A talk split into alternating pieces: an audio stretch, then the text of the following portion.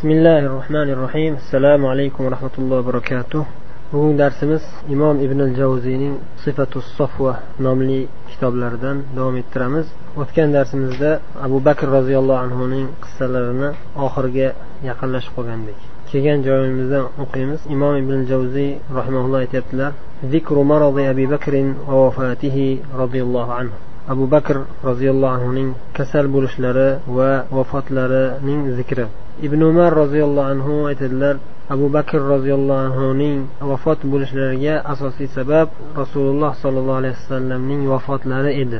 Rasululloh sollallohu alayhi vasallam vafot bo'lganlaridan beri abu bakr roziyallohu anhu juda qattiq siqilib bu dunyoning lazzatini umuman xohlamasdan rasululloh yo'q dunyoda yashashlari juda qiyin bo'lib jismlari borgan sari zaiflashib og'riqlashib borgandi. Hatto ajallari kelib vafot qildilar. Bu bir rivoyat. Boshqa bir rivoyatda abu bakr va al haris ibn kalda roziyallohu anhu taom yeb o'tirishgan payt shu taom abu bakr roziyallohu anhuga hadya qilib berilgan bo'lgan ekan. Shu taomni yeyish boshlashganda ikkovlari ham bir luqmadan olishganda haris ibn kalda roziyallohu anhu bu taomda zahar borligini bilib to'xtang ey xalifati rasulilloh to'xtang shu ovqatni yemaylik bo'ldi. Bunda zahar bor ekan. Kamida bir yillik zahar bor ekan degan ma'noda ogohlantirgan ekanlar. Va aytgan ekanlarki ikkalamiz ham bir luqmadan yeb qo'ydik. Endi ikkalamiz ham bir kunda vafot qilsak kerak debdilar. Shundan keyin ikkalalari ham kasal bo'lishib bir kunda vafot qilishgan ekan. O'sha yili tugagan payt. Bu ikkinchi rivoyat. Uchinchi rivoyat bo'yicha abu bakr roziyallohu anhuning kasal bo'lishliklariga sabab sovuq kunda g'usul qilgan ekanlar. Ana shu g'usul sababli o'n besh kun shamollab kasal bo'lib yotib qolgan ekanlar. Shu kasallar bo'lganlaridan keyin vafot qilgan ekanlar. Abu bakr roziyallohu anhu kasal bo'lib yotganlarida musulmonlar u kishini ziyoratiga kelishadi. Shunda aytishgan ekanki sizga tabib chaqirib kelmaylikmi? Sizni yaxshilab tekshirib davolasin deyishgan ekan ba'zi ziyoratchilar. Shunda abu bakr roziyallohu anhu javob qilgan ekanlarki meni tabib o'zi ko'rdi dedilar. Shunda ular so'rashibdi nima dedi sizga tabib? deyishganda javob qilgan ekanlarki tabib aytdiki inni faalun lima urid men xohlagan ishimni qilaman dedi. Ya'ni alloh taoloni ko'zda tutyaptilar. Bu yerda aytilmoqchiki abu bakr roziyallohu anhu allohning taqdiriga chin qalblardan rozi bo'lib taslim bo'lganliklariga ishora qiladigan shu bir rivoyat. Abu bakr roziyallohu anhu vafotlaridan oldin o'lim to'shagida yotganlarida o'zlaridan keyin abu bakrdan keyin umar roziyallohu anhuni xalifa bo'lishligini tavsiya etib mana shu umarga bayat bersangizlar shu umar xalifalikka haqliroq ichingizda deb tavsiya qilganlar. barcha musulmonlar abu bakr roziyallohu anhuning tavsiyalarini qabul qilishgan. Siz bizdan yaxshiroq bilasiz. Siz nima desangiz shu deb rozi bo'lishgan. Keyin abu bakr roziyallohu anhu umarni chaqirib nasihat qilganlar. Shu nasihatlarda aytadilarki ittaqillaha ya umar. Allohdan taqvo qilgin ey umar valam anna lillahi amalan bin nahar la yaqbaluhu bil layl. Bilginki ey umar alloh taolo ba'zi bir amallarni kunduzi qilishga buyurgan kunduzidan boshqa payt qabul qilmaydi kechasi qabul qilmaydi. Va ba'zi bir amallarni kechasi bajarishga buyurgan u amallarni kunduzi bajarilsa qabul qilmaydi. Ya'ni bunga misol keltiradigan bo'lsak peshin namozini kunduzi asr namozini kunduzi o'z vaqtida o'qilishga buyurgan. Kechasi peshin o'qishlikni olloh qabul qilmaydi. Peshin namozini man peshin peshin vaqtida o'qimayman kechasi o'qiyman deb qasddan o'z vaqtidan chiqarib kechasi o'qisa alloh qabul qilmaydi. Endi uxlab qolgan bo'lsa bir musibat kelib qolgan bo'lsa xudo saqlasin boshqa gap qazosini o'qiydi. Lekin qasddan kimki peshin vaqtini yoki boshqa namoz vaqtlaridan birontasini o'z vaqtidan chiqarib o'qisa alloh taolo u amalni u odamdan qabul qilmaydi namozini. Illo jiddiy qat'iy chin qalbidan tavba tazarru qilib juda ham katta gunoh bo'lganligiga afsus chekib haqiqiy tavba qilsa qazosini o'qiydi keyin olloh qabul qiladi tavbasini inshaalloh. Namoz o'qimaslik shirkdan keyingi eng katta gunoh qasddan namoz o'qimaslik shirkdan keyingi eng katta gunoh. Odam o'ldirishdan ham namoz o'qimaslik gunoh kattaroq. Chunki odam o'ldirsa kofir bo'ladi deyishmagan ulamolar ammo namoz o'qimasa kofir bo'ladi degan ulamolar ko'p.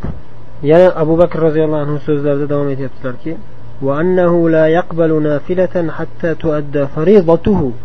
alloh taolo bilginki ey umar umarga nasihat qilib aytyaptilar. Umar roziyallohu anhu biladilar o'zi lekin inson doimo nasihatga muhtoj. Bilgan narsangizni ham qayta qayta mavza qilinayotganda eshitavering. Qayta qayta nasihat eshitaverish o'zingizga foyda. Juda ham ko'p va cheksiz foyda. Rasululloh sollallohu alayhi vasallam nasihat qilganlarida odatlaridan va shunday tarbiyalardilarki sahobalarni bir maviza qilsalar ba'zida uch ko'pincha uch martadan takrorlardilar. Aksariyat hadislarni uch martadan qayta qayta aytib takrorlardilar.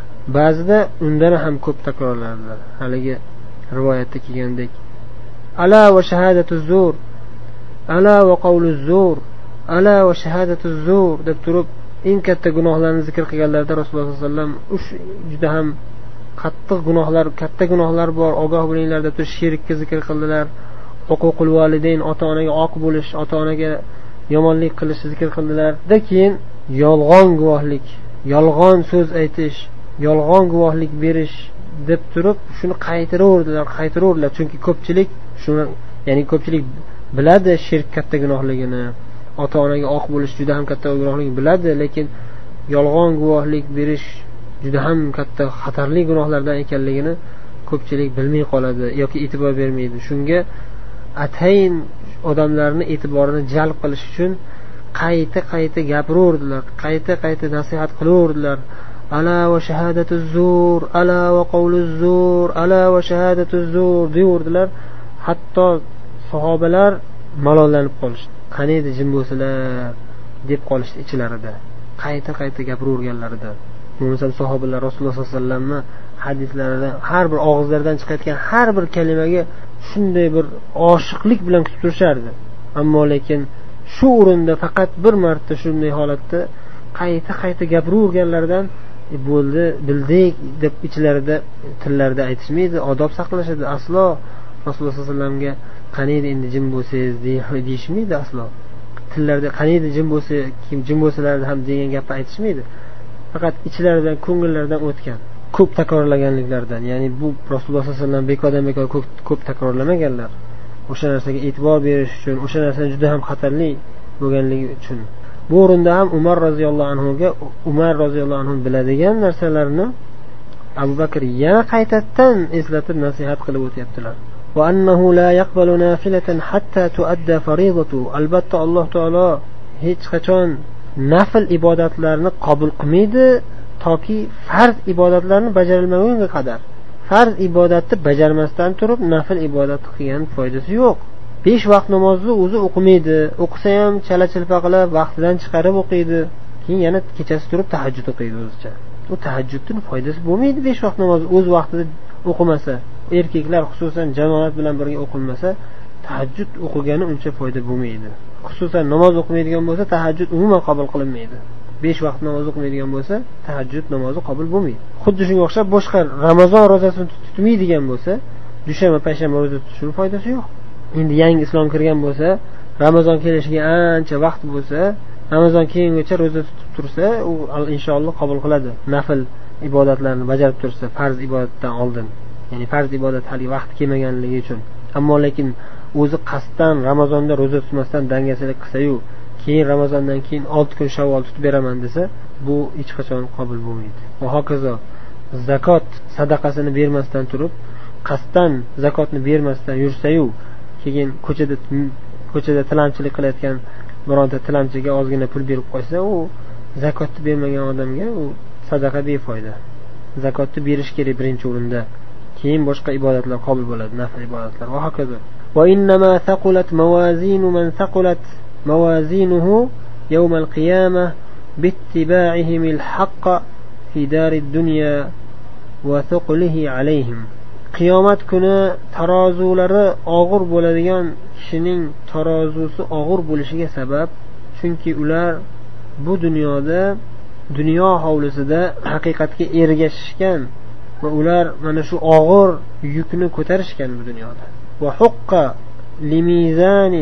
يوضع فيه الحق غدا أن يكون ثقيلا haqiqat qo'yilgan mezon og'ir bo'lishlikka juda ham haqlidir va sazovordir ertaga haqiqat tarozuga qo'yilganda ana shu tarozi og'ir bo'lishligi juda ham haqli va o'shanga og'ir bo'lishlikka sazovor bo'ladi chunki haqiqat bu yengil narsa emas haqiqat og'ir bo'ladi shu og'ir yukni shu dunyoda ko'tarib shunga olloh uchun chin qalblardan rozi bo'lib sabr qilib ko'tarib yurgan haqiqatga ergashib yurganlar qiyomatda ana shuning uchun haqiqat og'ir bo'lganligi uchun ular shu haqiqatni ko'tarishganligi uchun ularning tarozilari og'ir bo'ladi وإنما خفت موازين من خفت موازينه يوم القيامة باتباعهم الباطل في الدنيا وخفته عليهم وحق لميزان يوضع فيه الباطل غدا أن يكون خفيفا qiyomat kuni tarozusi juda ham yengil bo'lib ya'ni tarozudagi o'ng palla tarozuda ikki palla ikki tomonda palla bo'ladi taroziga o'lchanganda o'ng palla og'ir kelishi kerak o'ng palla og'ir kelmasa bu musibat o'ng pallasi yengil bo'lib ketgan kimsalarning tarozisi yengil bo'lishligiga sabab chunki ular bu dunyoda botilga ergashgandirlar. Shu botil ularga bu, dunyoda dunyo juda yengil bo'lgan shu botilni ko'tarib yurish oson bo'lgan ularga. Shu botilni ko'tarib yurish ularga yengil bo'lgan. Shuning uchun ertaga ya'ni qiyomat kuni botil qo'yilgan tarozu yengil bo'lishligi haqlidir to'g'ridir.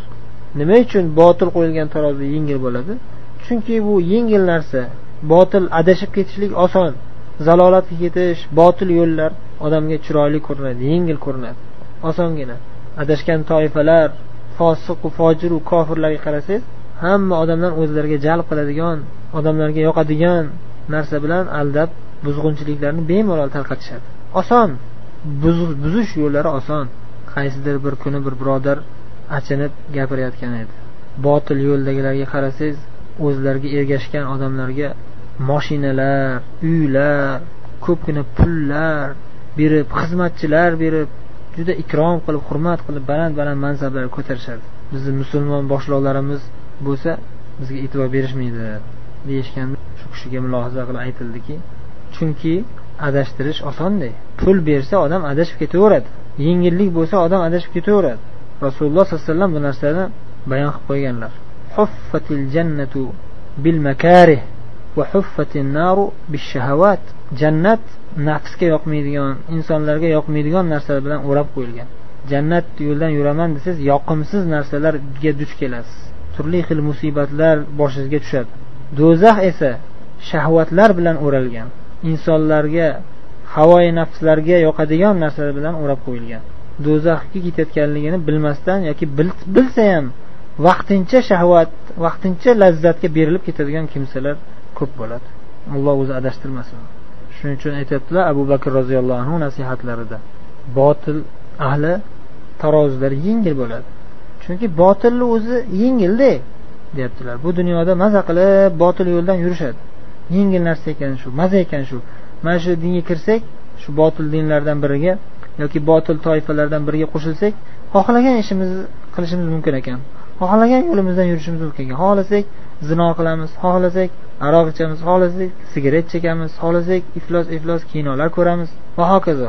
Pullar berishadi turli xil ne'matlar meva chevalaru ovqatlaru hamma narsa tayyor ekan. Shu yo'ldan yursak shularga xizmat qilib shular bilan birga bo'lsak maza qilib yashayotganmiz deb turib o'sha yoqqa kirib ketadi. Ular maza qilib shu yengil narsani olib ketishaveradi. Shuning uchun ularning tarozisi yengil bo'ladi. Shu bilan ular do'zaxga ketib qoladi. Xudo saqlasin alloh o'zi bizni o'shanaqalardan qilib qo'ymasin yana abu bakr roziyallohu anhu nasihatlarida davom etib aytyaptilar وإن الله تعالى ذكر أهل الجنة فذكرهم بأحسن أعمالهم وتجاوز عن سيئه. فإذا ذكرتهم قلت إني لأخاف أن لا ألحق بهم. وإن الله تعالى ذكر أهل النار فذكرهم بأسوأ أعمالهم. ورد عليهم أحسنه. ورد عليهم أحسنه. فإذا ذكرتهم قلت إني لأرجو ألا أكون مع هؤلاء. ليكون العبد راغبا راهبا لا يتمنى على الله ولا يقنط من رحمة الله. فإن أنت حفظت وصيتي فلا بك غائب أحب إليك من الموت وهو آتيك. وإن أنت ضيعت وصيتي فإن أنت حفظت وصيتي فلا يك غائب أحب إليك من الموت وهو آتيك. وإن أنت ضيعت وصيتي فلا يك غائب أبغض إليك من الموت ولست تعجزه. أبو بكر رضي الله عنه aytadilar alloh taolo jannat ahlini zikr qildi jannat ahlini zikr qilganda ularni eng go'zal amallarini esga solib zikr qildi yomon amallarini zikr qilmasdan o'tib ketdi. Jannat ahlining eng yaxshi amallarini zikr qildi. Shuning uchun men shu jannat ahlini eslasam yani jannat ahlini eslaganda alloh taoloning jannat ahli haqidagi zikr qilgan oyatlari esga tushadi. Ana shu oyatlarga qarasam jannat ahlini eslasam ularning amallari juda ham go'zalligini ko'rib mening amalim unchalik go'zal emasligidan qo'rqib man ularga yetolmayman yetolmasmikinman deb qo'rqaman. Jannat ahlidan bo'lolmay qolarmanmi deb qo'rqaman dedilar. Qo'rquv qo'rqib alloh taologa iltijo qilib qo'rqib ey olloh shu jannat ahlidan bo'lishimga o'zing nasib qilgin. Mening amallarim ularning amalicha ularning amallariga sen jannat ahlini zikr qilgan zikr qilganingda zikr qilgan amallariga o'xshagan amal qilolmasam ham ular bilan birga qilishni so'rayman sendan deb iltijo qilib qo'rqarkanlarki shu mening amalim u darajaga yetmayapti deb jannat ahli qilgan amallarni qilolmayapman deb qo'rqaman dedilar yana alloh taolo do'zax ahlini zikr qilganda ularning eng yaramas eng iflos ishlarini eng yomon ishlarini qilgan ishlarini zikr qiladi. Lekin do'zax ahllari yaxshi qilgan amallarini olloh rad qilib tashlaydi. Chunki mushrik bo'lgandan keyin har qancha yaxshi insonlarga yaxshilik qilsa ham o'zi mushrik bo'lsa qiyomatda hech qanday foyda bermaydi u narsalar. O'shaning uchun abu bakr aytadilarki do'zax ahlini zikr qilganda alloh taolo ularning eng yaramas amallarini zikr qiladida ular qilgan yaxshi amallarni o'zi kam bo'lsa ham yaxshi amallari juda kam bo'lsa ham lekin o'sha qilgan yaxshi amallarni ham rad qilib tashlaydi chunki ular mushrik. Alloh taolo shirkni umuman qabul qilmaydi. Ular yaxshi amal qilsa ham xudo uchun qilmaydi deydi o'shaning uchun alloh taolo ularni rad qilib tashlaydi. Hadis qudsiyda alloh taolo aytganday ana ag'na shuraka an shirk faman amila amalan ashraka ma'ya fihi g'ayri taraktuhu va shirka. Men eng behojat zotman. Men sherikka hech qanday hojatim yo'q. Hech kim bilan sherik bo'lishni xohlamayman. Kimki bir amal qilsa va shu amalda meni shirk menga boshqa odamni boshqa bir maxluqni menga sherik qilib qo'ysa ya'ni yaratuvchi zotga maxluqlarni yaratilganlarni sherik qilib qo'ysa men o'sha amalini ham tashlayman o'zini ham tark etaman degan. Shuning uchun aytyaptilar abu bakr har qanaqa yaxshi amal qilgan bo'lsa ham bo'lsa ham do'zax ahli alloh rad qilib tashlaydi. Ularni eng yomon amallari bilan zikr qilganda aytyaptilar men ana shu do'zax ahlini eslasam ularni yomon juda ham yomon amallarini eslaganligi uchun alloh taolo umid qilamanki men o'sha yomon amallarni qilmaganligim uchun shu do'zax ahlidan bo'lmayman inshaalloh. Men alloh taolo do'zax ahlidan zikr do'zax ahlini qilgan iflos yomon amallarini zikr qilganda men o'zimga qarab menda unday yomon juda ham yaramas gunohlarni o'zimda topmaganligim uchun yani bu darajada katta gunoh qilmaganligim uchun men ana shu do'zax ahlidan bo'lmayman degan umid paydo bo'ladi menda. Umid bilan orzu bilan alloh taologa yanada ibodat qilaman yaqinlashaman deydilar ليكون العبد راغبا راهبا.